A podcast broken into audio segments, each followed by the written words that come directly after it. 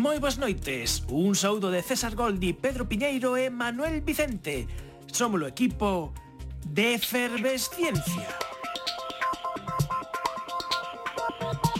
Deleitarse é algo anímico e para cada quen é pracenteiro aquilo do que di ser afeccionado. Isto é de Aristóteles. Por definición, no noso tempo de lecer facemos o que nos presta, o que nos gusta, o que nos peta. E hai que nese tempo fai cousas como ver estrelas, observar paxaros, fotografar nubes ou pescudar asteroides. Pero que pasa cando estas observacións se comparten con outras persoas? Que seramos un conxunto de datos cos que podemos facer ciencia a xente da pé podemos producir ciencia, ciencia de calidade e mesmo publicala en revistas científicas. E todo isto cando unimos as nosas forzas. Vela aquí a ciencia cidadá, ciencia cidadá que ha de ser a protagonista deste monográfico de efervesciencia. Ose, descubriremos que non é necesario ser un profesional para facer ciencia útil. Benvidos a Efervesciencia, Hai outros mundos, pero están neste. Efervesciencia. Doses de ciencias en contraindicacións. Patrocinado pola FECIT, Fundación Española para a Ciencia e a Tecnoloxía, Ministerio de Ciencia e Innovación, unha colaboración da Universidade de Santiago e a Radio Galega. Co apoio da Xencia Galega de Innovación da Xunta de Galicia.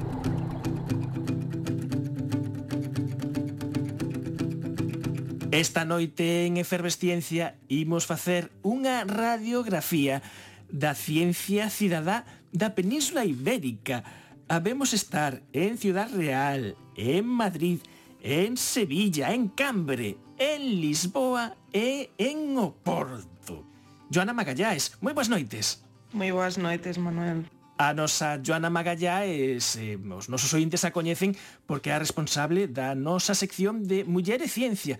Pero desta vez, Joana non está convidada en Efervesciencia para falar desa sección, senón eh, para falar do seu traballo profesional no que está a participar nun proxecto europeo para eh, fomentar a, que a comunicación da ciencia cidadá que se chama Newsera.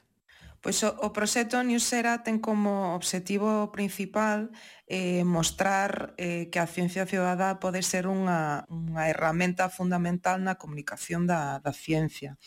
Este proxecto eh, naceu tamén do, dunha necesidade detectada nun proxecto anterior coordinado por, por Rosa Arias eh, que tamén xa estivo no, no programa fai un, uns meses por o, o Premio Prismas e realmente o que quere é traballar con proxectos de ciencia cidadá, neste caso 38 proxectos dende Italia, Portugal e España, e traballar directamente con o seu público o diana, que pode ser a ciudadanía, eh, as entes do sector público, da industria, pero tamén da academia, eh, de forma eh, involucrar pois, estas diferentes persoas eh, dentro dos proxectos de ciencia ciudadá. En España están involucrados eh, Science for Change, Ibercibis e eh, AFECIT. E imos coñecer unha escolma destes proxectos para ver a diversidade que hai de diferentes formas de ciencia cidadá.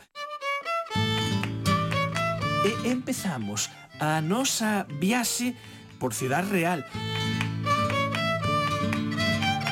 José Antonio Blanco. Moi boas noites. Boas noites, que tal? Eh, moi ben. Eh, José Antonio Blanco é investigador do Instituto de Investigación en Recursos Cinegéticos de Ciudad Real, que é un centro de investigación mixto o IREC entre o CSIC e a Universidade de Castilla-La Mancha. O voso centro de investigación eh, ten como eixe temático o todo relacionado coa caza sostible e a biodiversidade. Sí, efectivamente. Eh, el IDEC es un, un, centro que principalmente se dedica a temas relacionados con biodiversidad. Eh, y la caza es uno de esos elementos, digamos, fundamentales eh, que, es que, se precisa gestionar para intentar un poco que sea compatible con la conservación de la naturaleza. Y bueno, o sea, hacemos un abordaje muy amplio, desde temas de de vacunas, eh, temas de genómica, temas de toxicología, temas relacionados también con interacción, que es lo que trabajamos principalmente nosotros en nuestro grupo, con temas de interacción de enfermedades de fauna silvestre y fauna, eh, fauna doméstica, por ejemplo.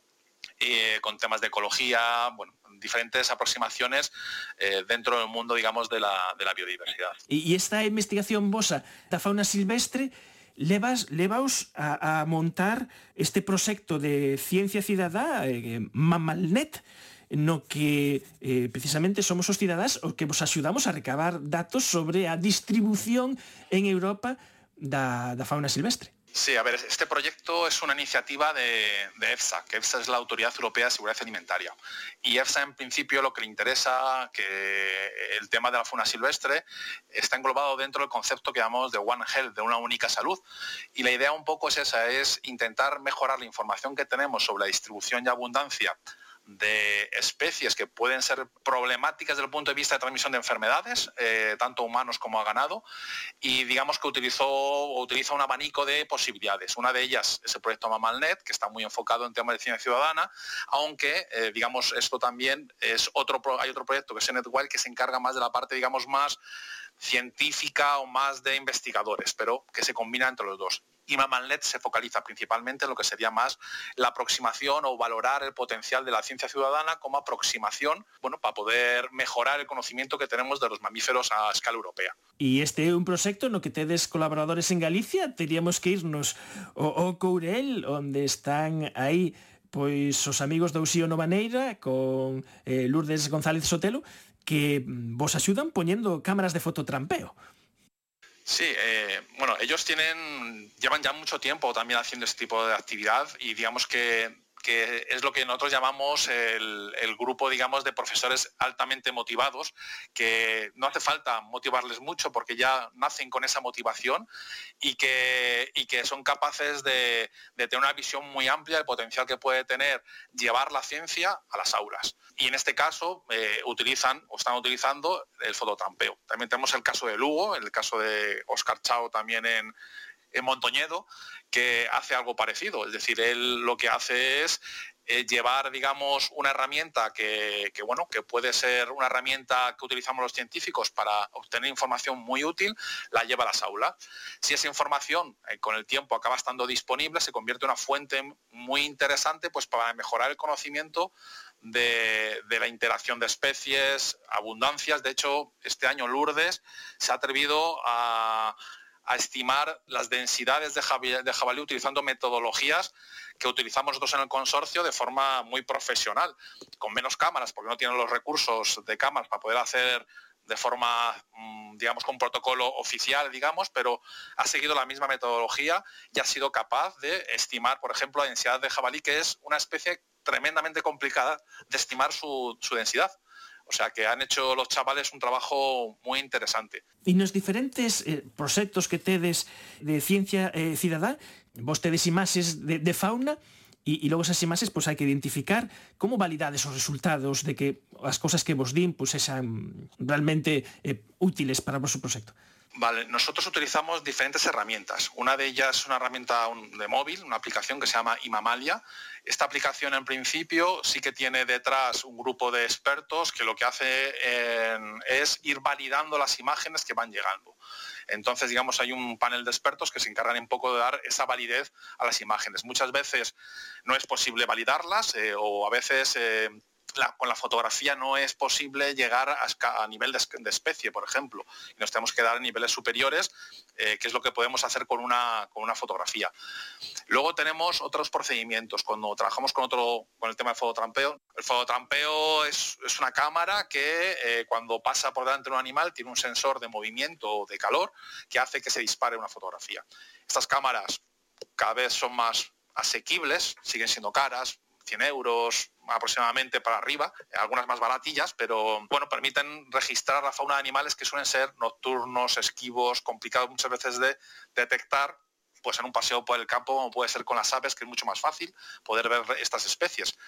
Pero con estas cámaras se pueden en principio detectar y, esa información muchas veces eh, puede ser muy útil, pues no solamente con el tema de enfermedades, introducción de especies exóticas también, que pueden aportar mucha información, o puede ser interesante para descubrir nuevas zonas de ecualización, pues el bisón americano, por ejemplo, en, en Galicia, pues es una especie eh, complicada. No sé si ahora mismo todavía ya os ha entrado el mapache, pero en Asturias había algún núcleo por ahí que podría llegar a entrar también, etcétera. Bueno, pues puede tener mucha, mucha utilidad para, hacerlo. En el caso de fototrampeo también tenemos diferentes niveles de complejidad. Una es con otra aplicación que se llama Mamal Web.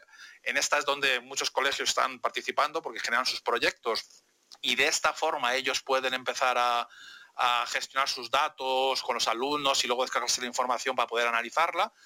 Y esta la variación es por sucesivos, digamos, eh, eh, avistamientos. Sabemos que cuando muchas personas detectan o identifican eh, las imágenes, se va reduciendo bastante el error, excepto en algunas especies que son muy complejas y que lo sabemos a priori, que esas hay que revisarlas a nivel de experto. Pero la mayoría de especies son fáciles de identificar, casi todos somos capaces de identificar un zorro, posiblemente un corzo. Entonces, bueno, hay otras especies, pues yo sé, en la zona de Galicia tenéis la zona de, una, zona, digamos, de Garduña y de Marta, que son especies que hasta los expertos tenemos problemas para poder identificarlas si no tenemos buenas imágenes. Pues eso un ciudadano tampoco va a poder posiblemente identificarlas si no tiene moi buenas fotos. Entonces aí, digamos, al final se utiliza unha metodología mixta. Esta foi a nosa primeira parada nesta radiografía ibérica da ciencia cidadá.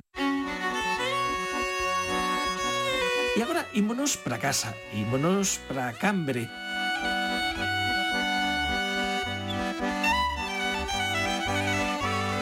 José Viñas, moi boas noites. Hola, que tal? Buenas noites. José Viñas, el eh, profesor do Instituto David Buján de Cambre, onde tedes un club de ciencia que é un club de xente de ciencia, que é unha asociación juvenil no que mm, estades moi involucrados coa ciencia cidadá. Sí, a verdade é que nos tomamos moi en serio isto da ciencia cidadá, eh, dende o punto de vista da, da, da escola, pero tamén fora da escola queremos traballar a ciencia cidadá. Moitas ocasións probamos no Clube de Ciencia o que queremos probar despois na escola. Se é o suficientemente divertido, pois o probamos. Por iso temos algún proxecto eh, no que a nos nos ven moi ben porque os alumnos empezan a, a topar eh, habilidades científico-tecnolóxicas que nos gusta que, que, que recollan, como a recollida de datos ou a observación de algunhas imaxes e poder identificar. Entón, son habilidades científicas que pouco a pouco os rapaces van aprendendo e despois, cando teñen eles que desenvolver un, un proxecto científico, xa as teñen adquiridas. Eh, por outra parte, no noso Clube de Ciencia tentamos sempre estar mirando cara fora. En este caso, nos estamos en relación coa California Academy of Science de San Francisco.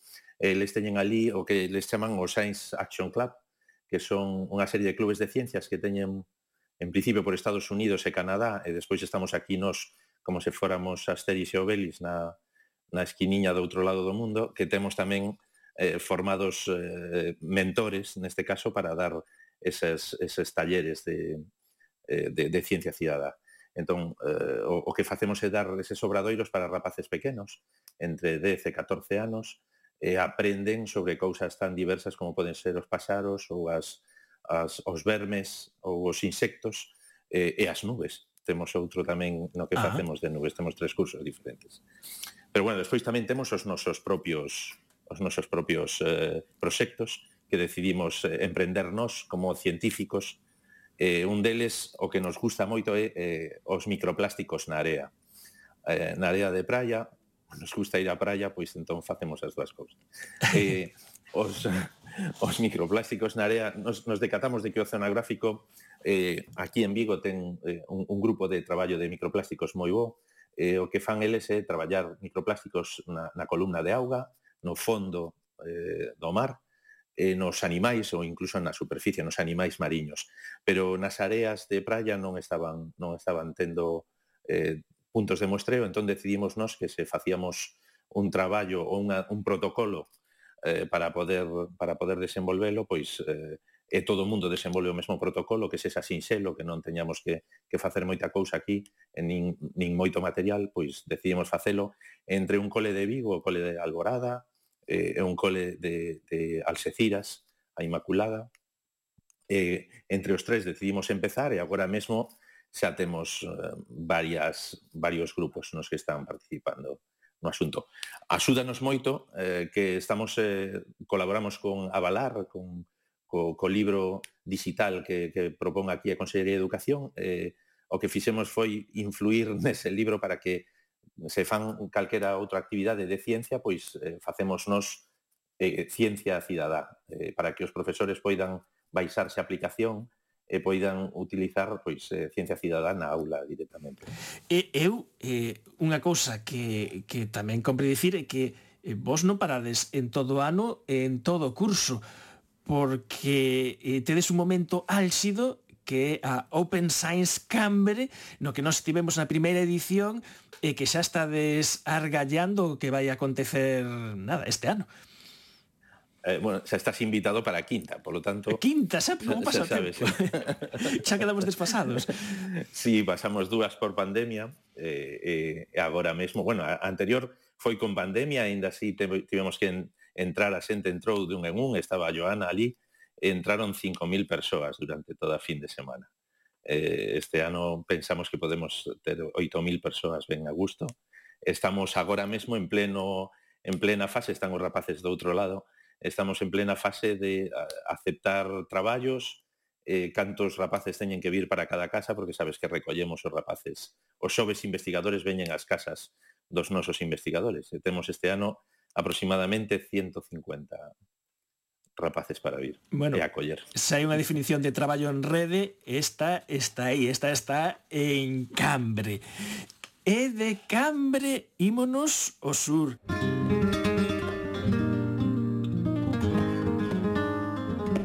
Ímonos a Sevilla. Pilar Paneque, moi boas noites. Boas noites, buenas noches a todos. Eh, Pilar Paneque, catedrática de Xeografía Humana na Universidade Pablo de Olavide. Onde coordina o programa Observatorio Ciudadano de la Sequía. Eh, Pilar, este é un proxecto que empezades, empezastes a traballar moi recentemente coas demarcacións hidrográficas do sur, pero que agora expandides a toda península. Sí, exactamente. El proyecto lo iniciamos en el año 2020 con la colaboración de la FECIP, que como sabéis financia una línea específica para proyectos de ciencia ciudadana y nació como un proyecto pequeño, pero ya sabéis que lo pequeño es hermoso y el proyecto ha ido creciendo por la buena acogida que ha tenido del público, por los pocos proyectos que aún hay de ciencia ciudadana dedicados al estudio de riesgos naturales y, del contexto general de los impactos del cambio climático y también porque lo estamos extendiendo al resto de demarcaciones de la península ibérica. Eh, y empezamos el proyecto por el sur peninsular precisamente porque la sequía es un riesgo de una enorme complejidad, es un riesgo muy poco conocido y en el que se hace imprescindible involucrar a la ciudadanía ya no solo en la búsqueda de soluciones para algo que afecta a nuestra vida cotidiana y que va a afectar más en los próximos años, sino también porque necesitamos generar un nuevo conocimiento que no podemos generar a través de la forma tradicional, digamos, de hacer ciencia. Para nosotros es fundamental contar con la ciudadanía para conocer cuál es su nivel eh, de conocimiento sobre cuestiones tan básicas como quién consume el agua, em, cuáles son los efectos del cambio climático, cuál es su percepción del riesgo, porque tenemos esta visión un tanto deformada, por ejemplo, en España, ¿no? de la España húmeda y la España seca. Esto no es real y en Galicia lo sabéis bien porque ahora mismo tenéis los embalses eh, bastante vacíos, ¿no?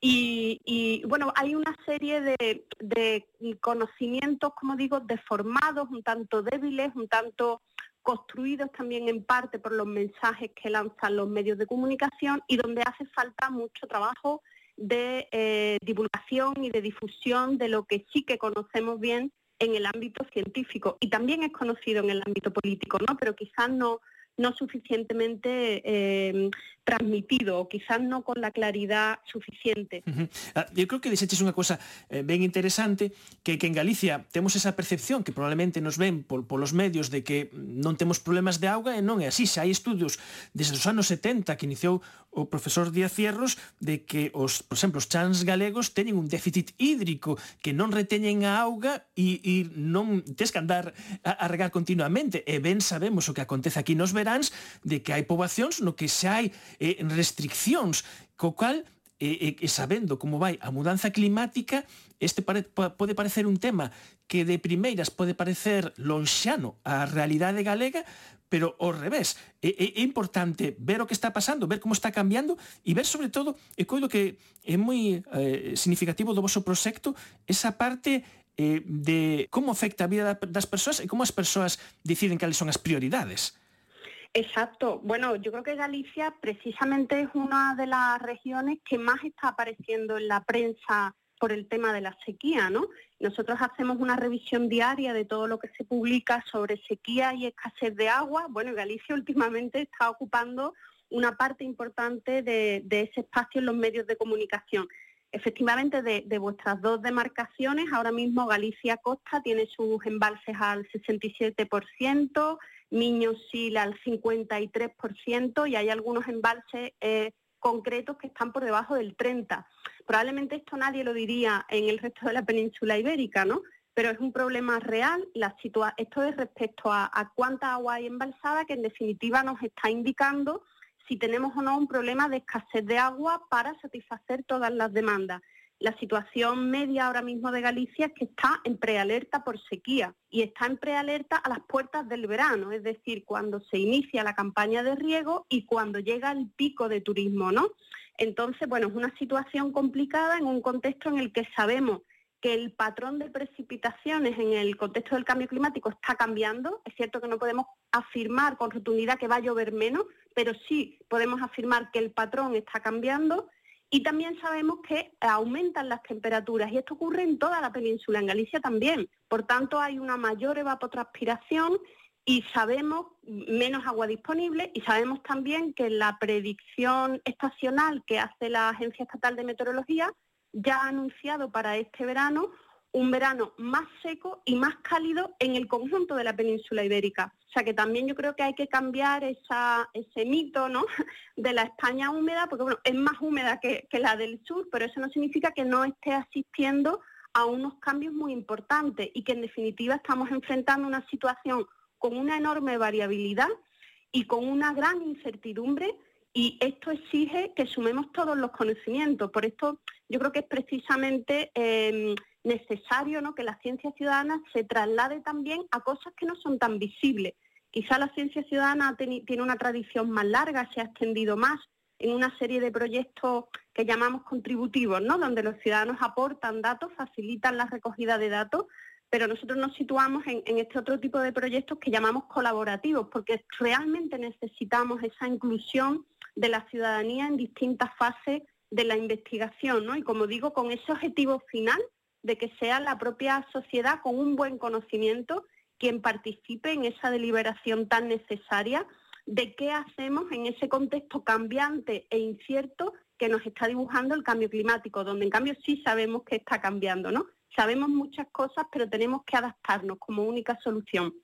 E chegados a este punto, o que xa temos presentados os convidados deste primeiro bloque que, que estamos dedicando a repasar a ciencia cidadá por diferentes coordenadas, podedes intervir eh, eh, calquera dos catro eh, consuntamente. E o que estamos vendo, eh, eh, en primeiro lugar, é que hai moitas formas de entender a ciencia cidadá con eh, obxectivos eh, ben diferentes, pero a pregunta va eh, quen ten que levar a iniciativa ou que, cales son os proxectos que funcionan eh, é a científica que se ten que aproximar á sociedade é a sociedade que, que mm, demanda certas necesidades quen quere disparar Empiezo yo si queréis. La ciencia ciudadana se construye de formas muy diferentes. Y eso es lo importante, es decir, a veces es necesario que surja de lo que llamamos de abajo arriba y otras veces es necesario que sean desde las instituciones las que fomenten o inicien esa primera iniciativa. Esta diferenciación, desde mi punto de vista, a lo mejor luego no está marcada, pero sí es verdad que lo que nosotros hemos aprendido de este proyecto es, nosotros empezamos con un proyecto de, arriba abajo, eh, que una institución oficial eh, quería valorar, digamos, la potencialidad, y lo que hemos visto es que al final donde se puede coger un mejor resultado en cierto modo es promoviendo las actividades de abajo arriba, es decir, porque al final consigues que una de las cosas más importantes, que es la motivación, sean la que las personas quieren tenerla. Tú aportas las herramientas, aportas el asesoramiento, aportas eh, aquello que, pueda ser un, un, carácter más científico, a lo mejor que les puede costar más hasta que se vayan introduciendo en estas aproximaciones, pero al final los proyectos acaban funcionando si hay una motivación, una intrínseca, digamos, para seguir con ellos. Pilar. Sí, bueno, yo coincido plenamente en la aceptación de esa diversidad de proyectos de ciencia ciudadana y de maneras de entender la ciencia ciudadana, ¿no? Yo creo que ahí tenemos que ser muy abiertos, no ponernos ningún corsé eh, y, entender que, que, proyectos que compartan objetivos, yo creo que también en ciencia ciudadana son muy importantes los valores, ¿no? Yo creo que al final sí que nos unen los mismos valores, aunque utilicemos distintas aproximaciones, distintas técnicas, distintas herramientas, pero sí que perseguimos una determinada manera de hacer ciencia saliendo del ámbito tradicional, ¿no? del ámbito académico, del ámbito científico, que sí que es mucho más rígido. Y sobre todo yo creo que además de esa diversidad y de compartir esos valores, todos perseguimos también eh, impulsar o acompañar o liderar en algunos casos eh, proyectos útiles. A mí esto me parece muy importante, ¿no? Eh, los que pertenecemos a la universidad sabemos que muchas veces en la academia nos empeñamos en investigar aquello que nos interesa a nosotros, pero yo creo que precisamente un proyecto de ciencia ciudadana tiene éxito y será sostenible, como decía José Antonio, si es la ciudadanía realmente la que tiene interés en eso. Y eso marca una diferencia muy importante con un artículo científico o con un proyecto de, de otras características que podemos llevar, ¿no? viñes. Totalmente de acordo, eu eh, encárgome deso precisamente, de que vos teñades eh, non agora científicos cidadás, sino que os teñades dentro de 30 anos. Sigades tendo científicos cidadá. O que me tentamos dende aquí é que se divirtan ao mesmo tempo que están a facer ciencia. Polo tanto, é, é o momento no que nun campamento de verán ou que en calquera deste tipo de, de actividades eh, lúdicas poidan facer ciencia eles saiban que están facendo ciencia, pero ao mesmo tempo que estean que teñan unha conciencia social e sobre todo o medio ambiente é o que máis o que máis eh, lles interesa sempre. É, eh, é, eh, é lógico, porque é o seu futuro agora mesmo. Quería deixar aquí constancia que estes proxectos de ciencia eh, cidadá produce mm, ciencia académica que son que fornecen mm, de datos para unha chea de, de, de publicacións e, e que eso é palpable, que probablemente sexa o, o, o xeito de que se anime a comunidade científica a enredarse máis nesta ciencia cidadá que o mellor de primeiras eh, o mellor non todo o mundo está concienciado eh, por exemplo, eh, no, no caso de, de José Antonio creo que os, eh, os resultados obtidos por estes proxectos aparecen nunha che de, de, de publicacións científicas. Sí, eh, en principio toda esta información la idea al final nosotros lo que hacemos es eh, volcar toda esa información en un repositorio en abierto donde cualquier científico del mundo puede utilizar esa información para sus propias preguntas, hipótesis, bueno, científico o cualquier persona, es decir, no está restringido únicamente a la comunidad. Un colegio puede descargarse la información, por ejemplo, seleccionando quiero ver todo lo que hay en Galicia, pues, de tal especie, y puede intentar descargarse esa información e intentar utilizarla para hacer un modelo o lo que fuera, ¿de acuerdo?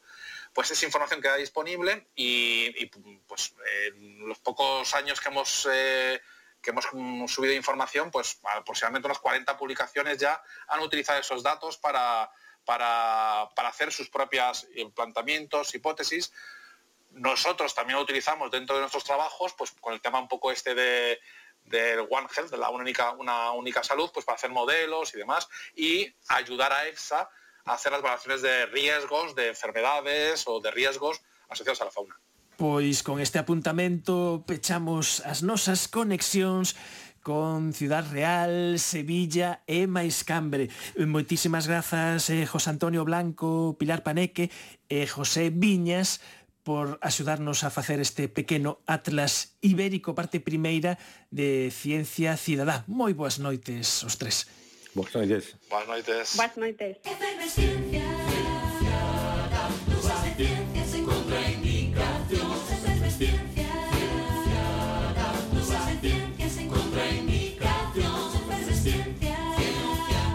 quería presentarvos a Pedro Piñeiro, que está agora comigo. E boas noites, Pedro. Ola, moi boas noites. Pedro Piñeiro resulta que está rematando na Universidade Autónoma de Barcelona o seu grado en Xeoloxía e Ciencias Ambientais e tivo a osadía de se ofrecer como voluntario para estar facendo as prácticas da carreira en efervesciencia. Non sei, eso, Pedro, se é unha inconsciencia túa, ou como, como se che ocurriu isto? Pois por agora todo genial e eh. ocurriuseme porque eu era o inte do programa e facíame bastante ilusión, a verdade. Pois bueno, mira, mira como acaban os ointes. Entón, claro, había que encomendar a primeira tarea así de facer eh, Pedro, e cal foi? Cal foi a túa primeira tarea en efervesciencia? Pois fun entrevistar a xente pola rúa en Pontevedra para saber que sabían sobre a ciencia cidadá. Uh -huh. Pois isto é o que contestou a xente que paseaba pois inocentemente pola rúa, cando chegou aí Pedro co seu micrófono, a preguntar a cuestión de sabes o que a ciencia cidadá? No, eu non. A ciencia cidadá? No, non teño ni idea. Non. Ciencia ciudadana. No, es una entidad de aquí, no sé. eh, pode facelo calquera persona a chegar esa sí. información, como os típicos grupos de WhatsApp sobre as setas, sí. que se xuntan sí, sí, envían a foto e din, esta se, se puede comer ou non? Yo solo conocía la página esta de eventos sísmicos que hai, ah, ¿sabes? Que ayudan sí. que la gente aporta cada vez que siente un temblor mm. en su región y tal, y entonces sí. se va haciendo como tamén un mapa de, es moi interesante. Sí. Eh, eu, por exemplo, estaría disposta a participar en algún deses proxectos. A ver, pode estar ben, porque é unha maneira de, de ver ademais en diferentes lugares, non só facer estudios en sitios super concretos solo ali. Entonces, eh, é interesante porque así a xente pois descubriría cousas que lle poden gustar sobre a ciencia e eh, ademais mm, pode relacionarse máis co, su, co seu entorno, coa natureza. Creo que aos mozos da miña idade, que teño 14 anos, sí. eh, poderíalles gustar moito. Estudei artes, eh, eh, diríxome máis para o mundo da artes e das letras, mas sí que é certo que sempre gosto destes proxectos que achan a ciencia a xente. Por exemplo, eu coñezo proxectos como Balea Vermella ou eh, Ecos de Gigantes, que sí que son proxectos que a través de Twitch fan un pouco, non sei se se podería considerar ciencia cidadá, porque ese contacto a través das redes co público para difundir ciencia en galego, mas parece unha iniciativa moi chula. E ao final, eu non sei se hai como expertos detrás diso que valoran esa información e ven se é real ou non, porque ao final se calquera sí. pode dicir calquera cousa, imagínate iso nun sí. grupo de setas que se poidan comer ou non, quen decide iso, vale, claro. podes decir, a mí me dijeron isto. Sí. Pero supoño que ten que haber alguén máis experto, non, que como que dirija iso, pero non me parece nada complicado, ao contrario, pareceme que a chegar información eh, dunha maneira rápida e bastante sinxela.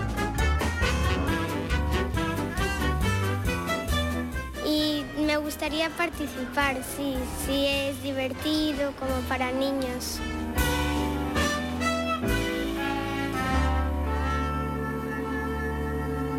A ciencia, na Radio Galega. Pedro, non atopaches a ninguén que de primeira soubese que é a ciencia cidadá. Non, a ninguén. Pero que si sí é certo que cando logo ti explicabas todo isto, ao final a resposta era moi positiva. Sí, sí, totalmente. Eh, algúnha xente, de feito, coñecía proxectos, pero non, non sabía que, que era a ciencia cidadá realmente. Joana, ainda entonces nos queda todavía moito que comunicar da ciencia cidadá, da ciencia que, que, que poden facer pois as persoas non profesionais da ciencia que poden eh, colaborar eh, pois xente que da pé con xente profesional. Sí, sí, está claro que creo que este, este, esta pequeña colección que, que tedes eh, é representativa de eso, fai falla eh, non só un exercicio dende os propios proxectos de ciencia ciudadá que existen, que son moitos, pero tamén dende outras institucións eh, que podan facer pois que a xente coñeza máis este, este movimento tamén, eu diría que máis eh, outro día falaba con, con un compañeiro que máis que unha me metodoloxía creemos que sexa un, unha forma de traballar diferente, non? Pedro, eh, pois mira, eu coido que superaches a túa primeira proba en efervesciencia, isto de sair á rúa, nada, veremos cales son as seguintes misións túas e, e veremos a ver se, se sobrevives. Moitas grazas eh, por, por facer esta antena aí ao público de, de efervesciencia. Moitas grazas a vos. Necesito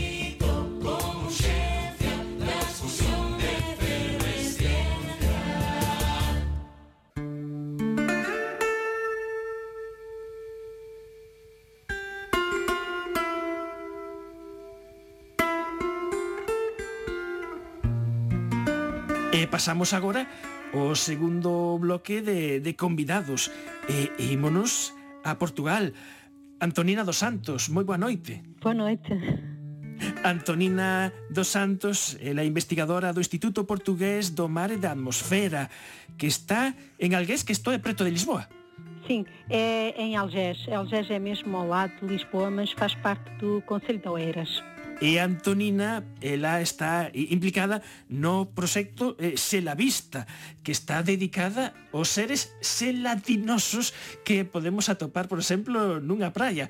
Eu penso, de primeiras, pensamos sempre nas medusas, pero hai máis seres selatinosos.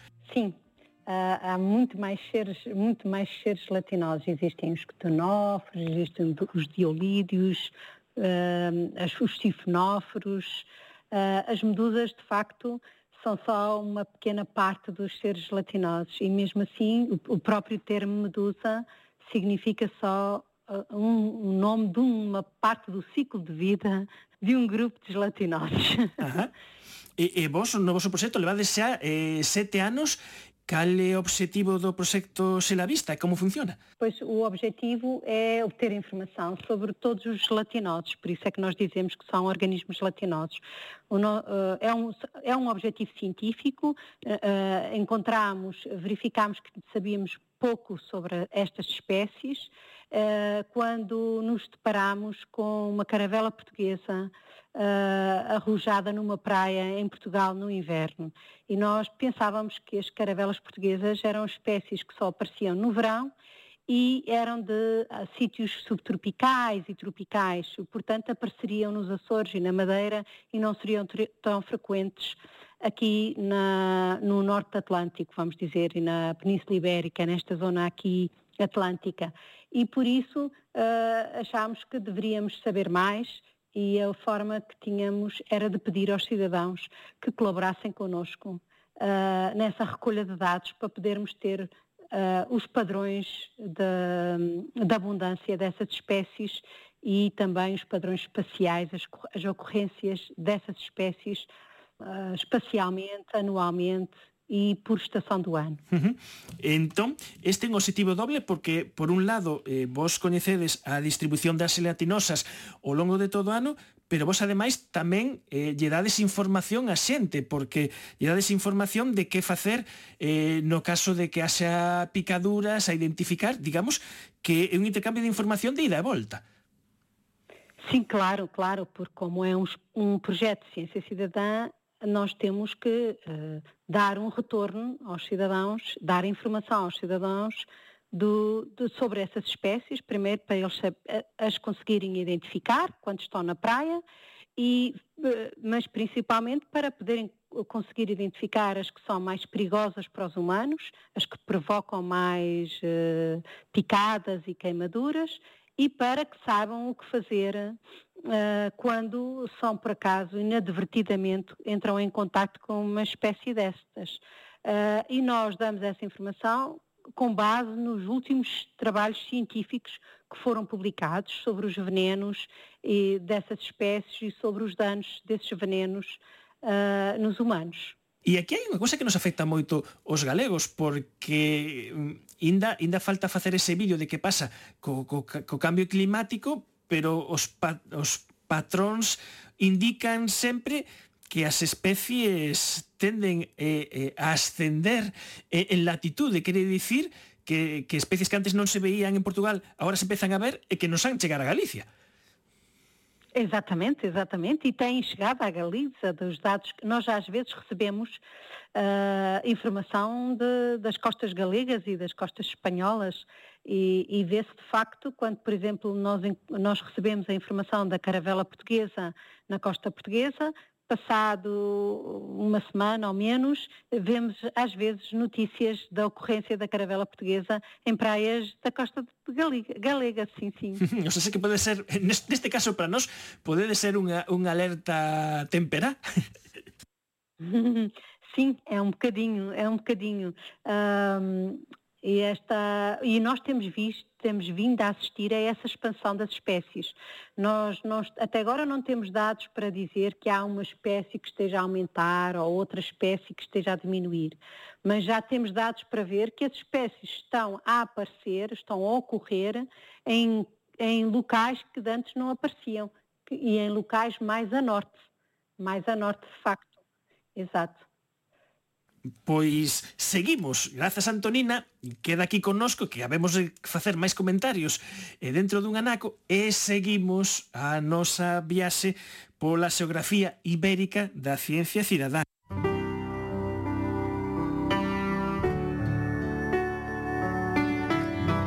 E agora saltamos a Madrid. Alejandro Sánchez, moi boas noites. Buenas noches. Alejandro Sánchez é o responsable do proxecto Cities at Night que o obxectivo cambiamos de eido eh, totalmente e quitar coñecemento grazas á colaboración cidadá das imaxes da Estación Espacial Internacional. Sí, ese es nuestro trabajo, ¿no? Intentar que, que todas esas fotos que hacen los astronautas no se queden ahí en el archivo, eh, solo como fotos bonitas, sino, sino poder usarlas para, muchísimos temas, ¿no? Eh, por ejemplo, pues ahora que estamos hablando de, medusas, eh, uno de los animales que controla la población de medusas son las tortugas, que tienen un impacto muy grande por la contaminación lumínica, o sea que la contaminación lumínica eh, por ejemplo, en el Mediterráneo ha hecho que nos hayamos cargado prácticamente todas las tortugas y luego mm, pues no nos podemos extrañar que tengamos explosiones de, medusas en el Mediterráneo. Entonces, al final cosas que aparentemente no tienen ninguna relación, como puede ser un astronauta haciendo fotos desde la Estación Espacial Internacional, luego pues tiene, tiene un impacto directo en, algo como lo que estáis hablando, ¿no? De las, de las, de, la carabela portuguesa. Y una pregunta que me surge se esa análise, eh, necesitamos humanos para facer esa análise, co avanzado que está agora a inteligencia artificial, eh, seguimos tendo unha ventaxa competitiva os cerebros eh, feitos de, de carbono sobre os de silicio a hora de interpretar estas imaxes? Bueno, sin ningún lugar a duda. Sobre todo porque, primero, la inteligencia artificial hay que entrenarla. Y para poder entrenar la inteligencia artificial, primero tiene que haber humanos que la entrenen. Eh, puede ser un investigador dedicándole muchas horas o pueden ser ciudadanos. Y luego que hay cosas que, la inteligencia artificial eh, es muy buena para hacer una tarea muy específica y muy repetitiva. Cuando hay una cosa nueva, diferente, es siempre el, humano eh, está mucho más es mucho más versátil y mucho más preparado para todo esto. Y luego que programar y todo eso, una inteligencia artificial, pues te faltan unos recursos. En cambio, eh, la población y la gente, pues son, son por un lado, la gente, los usuarios de esas luces y los usuarios de esas fotos bonitas, que a, la vez que ven las fotos bonitas, pues pueden eh, ayudar y contribuir a la ciencia, ¿no? Y, un problema que ustedes ha topado es que quizás o gran tesoro, esa inteligencia colectiva que aporta a ciencia cidadá ese gran cerebro de conexión de persoas que cada unha aporta o seu tempo para facer esa clasificación de imaxes, e o vosso gran tesouro é, polo tanto, a comunidade de usuarios de City at Night. E aí tivestes un problema eh, bastante grande eh, coa aplicación das directivas de protección de datos. Sí, aí tuvimos un problema moi grande. En, nuestro proyecto nació en 2014 y tuvimos pues mucho éxito. Eh, la NASA sacó una nota de prensa sobre nosotros, la Agencia Espacial Europea, al año siguiente la Unión Astronómica Internacional, de manera que tuvimos un, teníamos una cantidad de voluntarios muy grande. Sea, de, los, de las decenas de miles de, voluntarios, pues no sé si llegamos a los 100.000 voluntarios, o sea, entre 30.000, o sea, tendría que, verlo. Por ejemplo, no tenemos, no podemos contactar con nuestros voluntarios porque eh, en, no sé, fue 2016, eh, se aprobó la GDPR y tuvimos que borrar todos los datos. Todos los datos que disponíamos eh, de contacto, no estadísticas, eh, de acceso, pues los tuvimos que borrar. De manera que pues cuando lancemos una o cuando lanzamos una aplicación nueva, algo que sea más, más, fácil de usar, o simplemente para darle el reconocimiento a esa gente que ha contribuido con tanto, pues, pues, pues ahora mismo o tuve yo algún tipo de correo electrónico directamente con esas personas por otras razones o no puedo contactar.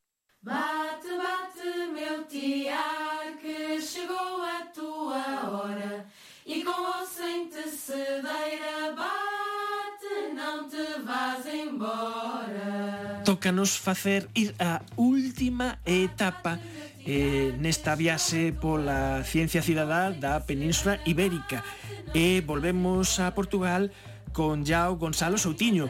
Moi boas noites, Yao. Boa noite, Noel. Como estás? Moi ben. O vosso proxecto de ciencia cidadá é Bacaloura PT. Cal é o obxectivo de, de Bacaloura? O projeto Bacaloura.pt tem como objetivo utilizar a ciência cidadão, ou seja, o trabalho que qualquer pessoa possa ter para ajudar a conservar a vaca loura, como também conhecem também na Galiza. Pronto, este é o maior escaravelho que existe na Europa, um dos maiores também que, que, que temos por cá, que é uma espécie protegida, quase em risco de extinção e até 2016, em que começámos o projeto, cá em Portugal, sabia-se muito pouco da sua distribuição. Apesar de ser o maior escaravelho, de saber que havia muitas histórias ligadas às, às populações e certamente na Galiza também existem uma parte cultural muito, muito grande, um, não tínhamos bem noção de, do seu estado das populações, se estava em risco ou não, e então começámos a pedir ajuda aos cidadãos para ajudar a compilar dados, a saber onde é que estavam estes, estes e, e, ajudar a monitorizar a partir de uns passeios que são feitos semanalmente durante o verão, um, durante meia hora. E começámos em 2016 e continuamos até hoje a fazer isto. E, e como son eses, eses paseos para identificar aí eh, bacalouras? Eh, necesita a xente que participa unha formación? Ten que tomar fotos? Como é? Então, normalmente sim, fazemos uma formação.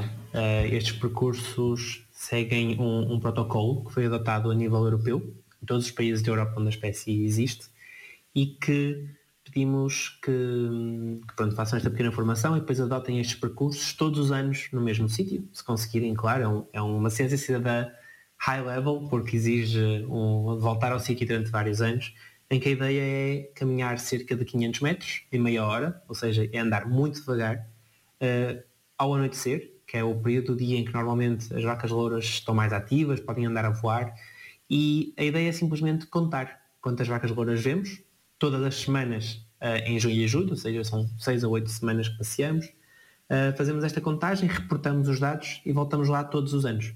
E o que é que isto permite saber é que se tivermos estas contagens a serem feitas em muitos sítios na Europa nas mesmas semanas pelas mesmas pessoas, conseguimos perceber para cada sítio se ao longo dos anos vamos vendo mais vacas louras ou menos vacas louras e desta forma relacionar também algo que eu me esqueci de referir, que é uma avaliação do habitat, do sítio onde estamos a fazer este percurso, todos os anos, que vai permitir associar essa avaliação do habitat ao número de vacas louras e assim perceber também o que é que tem levado a haver mais ou menos exemplares ao longo dos anos. E assim perceber algo que é se a vaca loura está então em declínio ou aumentar as suas populações, que é o que permite saber em último caso, se a espécie está em risco de extinção ou não. E así completamos o noso atlas sonoro da ciencia cidadá na Península Ibérica e quedanos uns poucos minutos un pouco para tratar eh, temas comuns. E, e non sei, eu, eu quería saber como se financia a ciencia cidadá.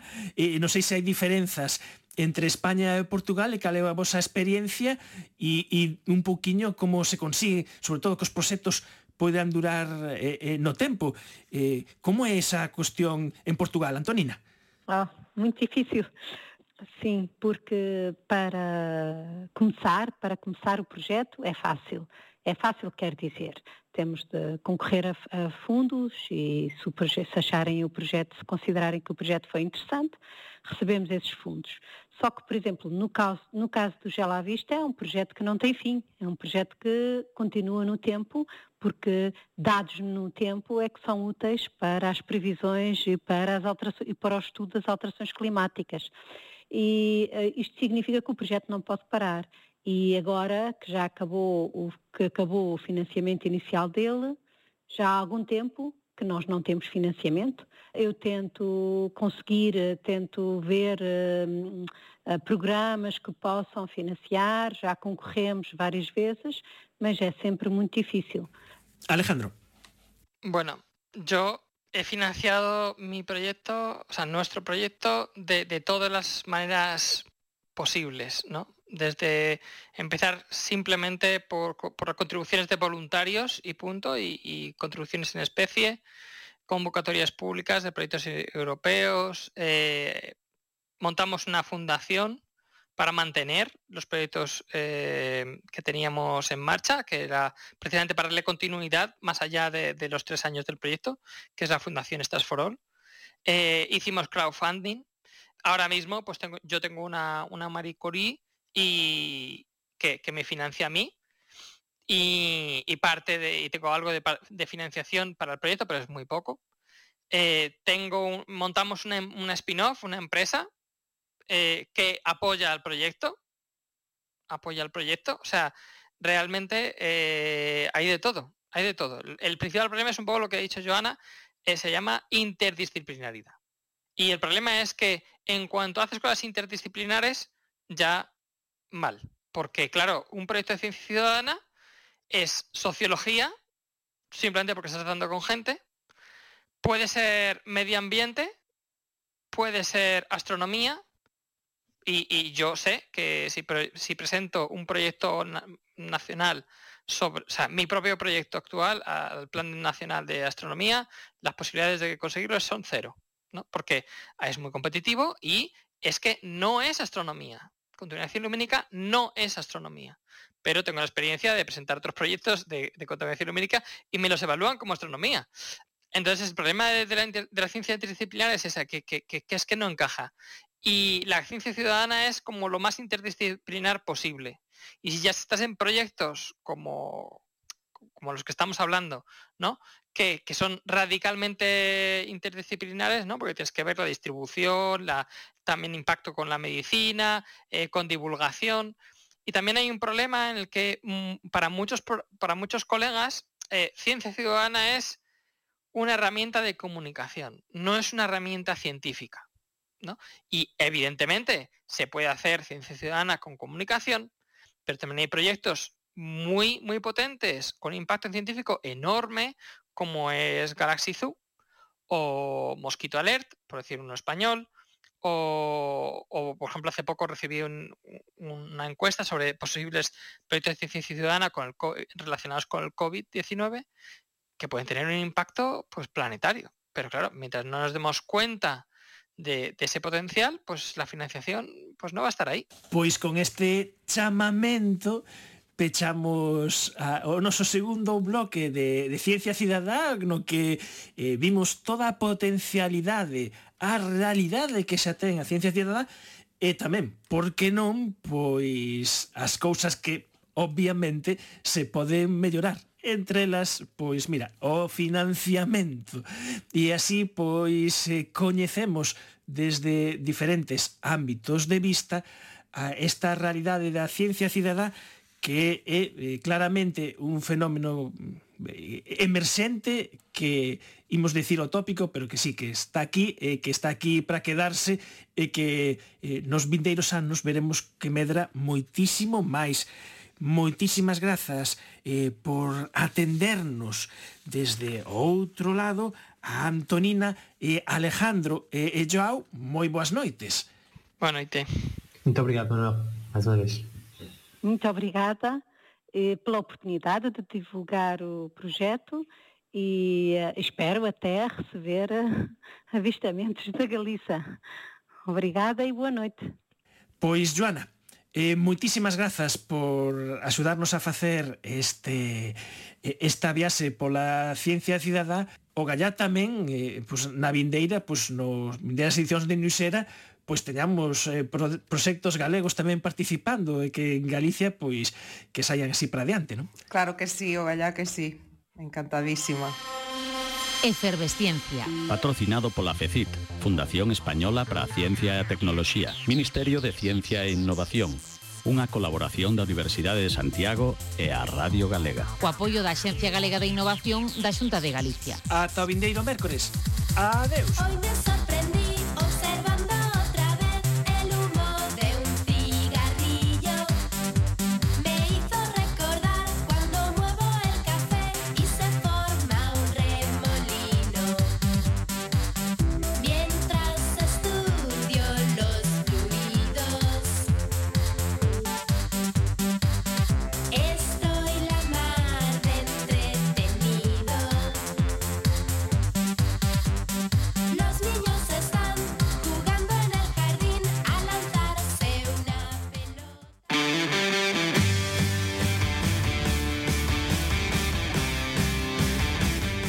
clásicos da nosa música conviven en armonía coas voces máis novas en Son Galicia Radio, porque xuntas máis fortes. Son Galicia Radio, música en galego 24 horas os 365 días do ano. Xuntos é que sintan todos que si van xuntiños Temos máis camiños para facelo Vostede no verán que prefire praia ou monte? Eu no verán o que prefiro é escoitar o como que non. Xa, pero así non me contesta porque... O mellor é que non me pregunta ben vostede. Non, pero é que eu estou lendo a enquisa, eh, di que... O... A enquisa está mal.